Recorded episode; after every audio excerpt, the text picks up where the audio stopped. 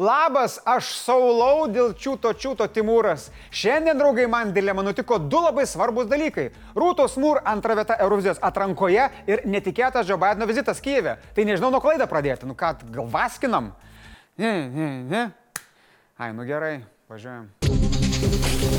Šiandien yra 362 tridienio Rusijos karo Ukrainoje diena. Ta proga, Ukrainos teritorijai vėl panirus į siaubingus oro pavojaus sirenų garsus, šalis sulaukė kai ko ypatingo. Ne, ne mirti nešančių rusiškų raketų. Į Kyivą tikriausiai specialių traukinių buvo atgabenti gigantiški JAV prezidento Joe Bideno kiaušiniai, kartu aišku su pačiu Joe Bidenu. Taip. Niekam nesakęs, nežadėjęs ir neigęs planus vykti į Ukrainą, jis ten vis dėlto atvyko. Ta proga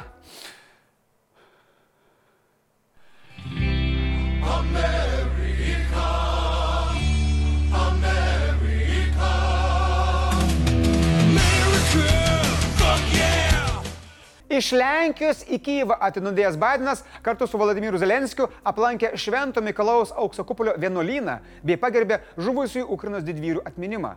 Vizito metu, be kita ko, Zelenskis ir Bidenas aptarė tolimojo nuotolio ginklų klausimą ir naują karinės pagalbos paketą, siekianti pusę milijardo dolerių, apie kurį plačiau bus papasakota rytoj. Baltieji rūmai netrukus išplatino ir oficialų prezidento pareiškimą. Jame yra keli puikiai šios karo metus apibūdinantys sakiniai. Cituoju. Kai beveik prieš metus Putinas pradėjo invaziją, jis mane, kad Ukraina yra silpna, o vakarai susiskaldė. Jis mane, kad gali mus pergudrauti, tačiau jis labai klydo. Citatos pabaiga.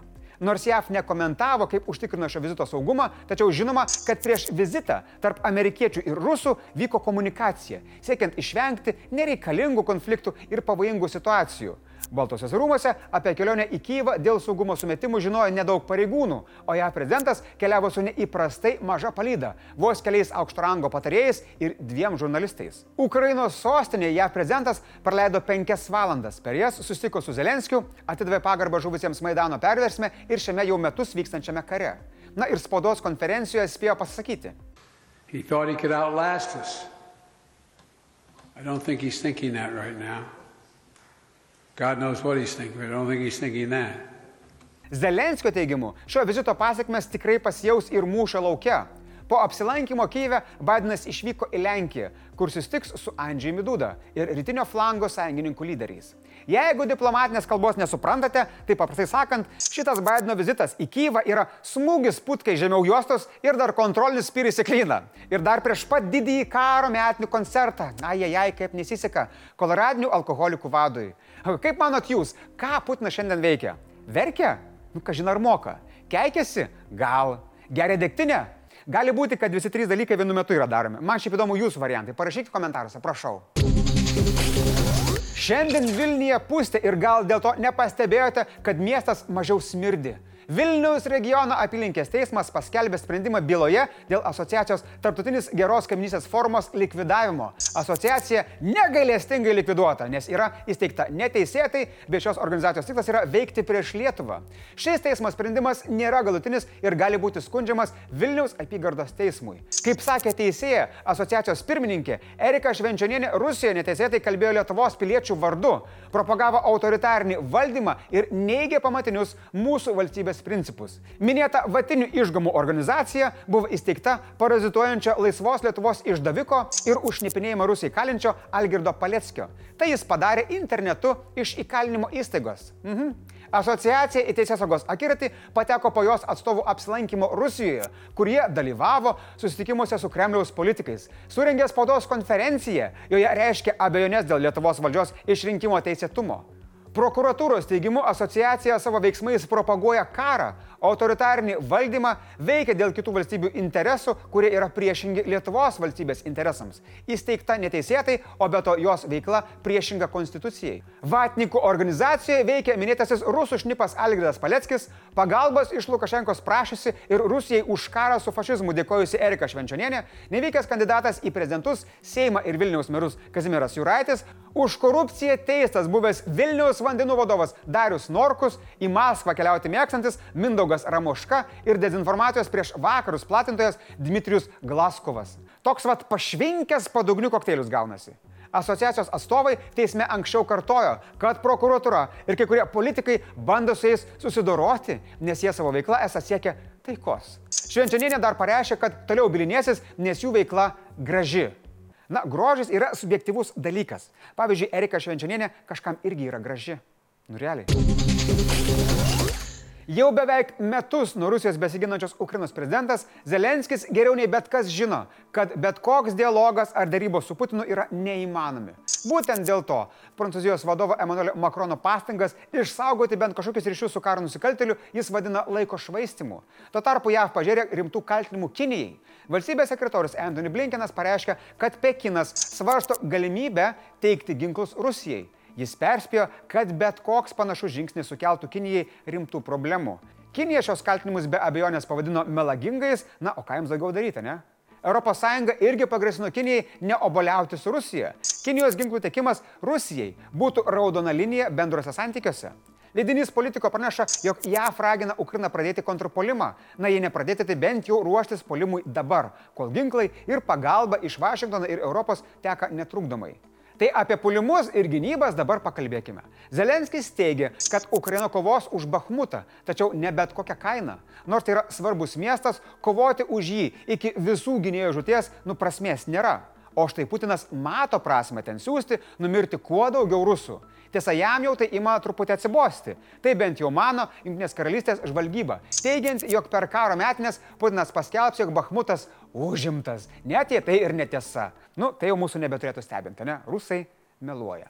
Per karo metinės gali būti dar nutikimų. Vienas karo ekspertas mano, kad metinės gali vainikuoti didelis rusiškų raketų smūgis Ukrainai. O šiaip tai gal nereikia tų raketų, ką?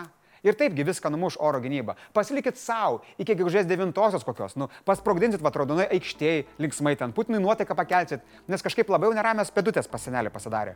Nuo besdėjimo čia bunkerį, kas čia? Kažką transliuoja gal? Vos iš spaustuvės iškeliavusi, dar šilta, Laisvės TV publikuota Davido Pancerovo ir Birutės Davidonytės knyga Pranešėjas ir prezidentas jau kelia aistras. Ne dėl to, ką jie parašė man šioje knygos kopijoje, o dėl to, ką parašė jums. Knygą matyt per savo atostogas perskaitė ir užsienio reikalų ministras, konservatorių lyderis Gabrielius Landsbergis. Jo nuomonė, knygoje pateikiama nauja informacija, kelianti susirūpinimą valstybės saugumo departamento integralumu. Jis čia kalba apie prieš kelis metus viešai rezonavusios istorijos dėl VSD rinktų duomenų apie Gitaną Nusėdos aplinkos žmonės ir diplomatą Vygaudą Ušatską. O jeigu tiksliau apie tai, kas davė nurodymą rinkti Ministras neatmeta, kad vienokią ar kitokią formą Seimas gali pasigilinti į tai, kas pateikiama knygoje. Nacionalinio saugumo ir gynybos komiteto narys Raimondas Lopata net mano, kad reikėtų Seimo komisijos tokiam reikalui. Ji padėtų išsiaiškinti, ar buvusioje kadencijoje politikai naudojo VSD savo reikmėms. Jo ekscelencija Gitanas Nausėda savo raštu kartoja, kad nei pats, nei per atstovus neprašė saugumiečių tikrinti jo komandos prezidento rinkimų metu. Bet pranešėjas knygoje liudijo, jog Bridikis patvirtino, kad sąrašai gauti iš paties Gitano Nausėdos. Sureagavo ir valstybės saugumo departamentas.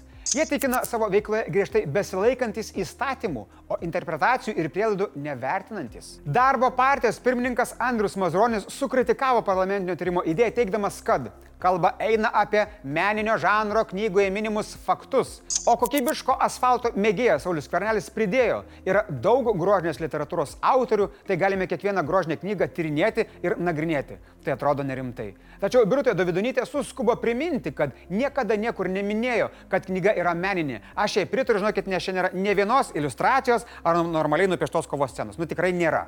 Beje, ar jau skaitėte naująją knygą Pranešėjas ir prezidentas? Jei ne, tai savaitgalį vykstančios knygų mugės metu galėsite įsigyti ir gal net parašus gauti. Nors autoriai autografus dalins kasdien ir penktadienį 16 val. bus knygos pristatymas, aš jums rekomenduoju pasimti užkandžių, gal net mėgmaišį, nes eilėje tikrai užtruksit. Šiaip Dovydas Subirtė labai lietai, bet kruopščiai rašo. Mm. Blue. Blitz naujienos. Praėjusią savaitę internete sukilo šurmulys dėl profesoriaus Vytauto Landsbergio gėjų ir pedofilų beveik palyginimo viename interviu. O dabar profesoriaus teiginiai užkliuvo valstiečiams. Jie dėl galimo valstybės pareigūno garbės ir orumo pažeminimo net kreipėsi į generalinę prokuratūrą bei policiją.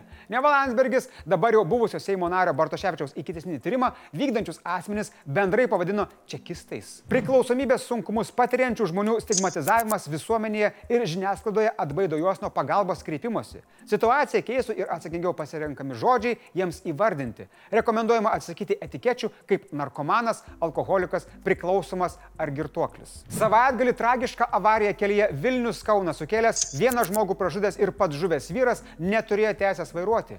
Avariją sukėlęs 42 metų vairuotojas buvo šiaulietis. Dar laukiame ekspertizų rezultatų, pirmiausia dėl blaivumo. Vėlų šeštadienio vakarą greitkelėje A1 Mercedes prieš eismą lėkė dideliu greičiu ir kaktomušą susidūrė su BMW 540. Vokiečių režisieriaus Edvardo Bergerio filmas apie Pirmą pasaulinį karą All Quiet on the Western Front dominavo BAFTA apdovanojimuose. BAFTA to All Quiet on the Western Front. Nugalės septyniose kategorijose, įskaitant geriausią filmą. Taip pat gavo apdovanojimus už adaptuotą scenarijų, geriausią filmą, ne anglų kalbą bei režisierių. The Banshees of Inisherin taip pat buvo tarp kitų pagrindinių laimėtojų. Draugai, primenu, kad šiandien komentaruose laukiam jūsų variantų ir spėliojimų fantazijos festivalio praktiškai. Kaip jūs galvojat, ką Putinas veikia dabar savo bunkerį, tveriai turbūt, po to, kai Bidenas nuvažiavo į Kyivą?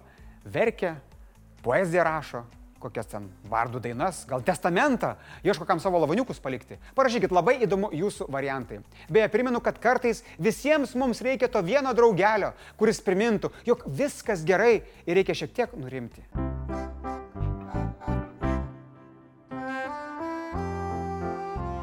Komentarų apžvalga. Po praėjusios savaitės žiniomis Vykintas pastebėjo, jog visi žinių veidėjai yra vienaragiai. Nu, Vykintai, malonu, bet tam, kad būtų tiesa, tai mums reikia surinkti bent vieną milijardą laikų po žiniomis. O dabar pažiūri tą skaičių ir numatau, kad iki to milijardo dar trūksta. Tai pasistengiam, pasistengiam. Na, o Juzefa komentaruose teigia, gal labiau klausė, kur žengia rusai. Nu, visigi žinom, kad žengia ten paskui karinį laivą. Na, šiandien tiek žinių, iki rytojaus. Thank you.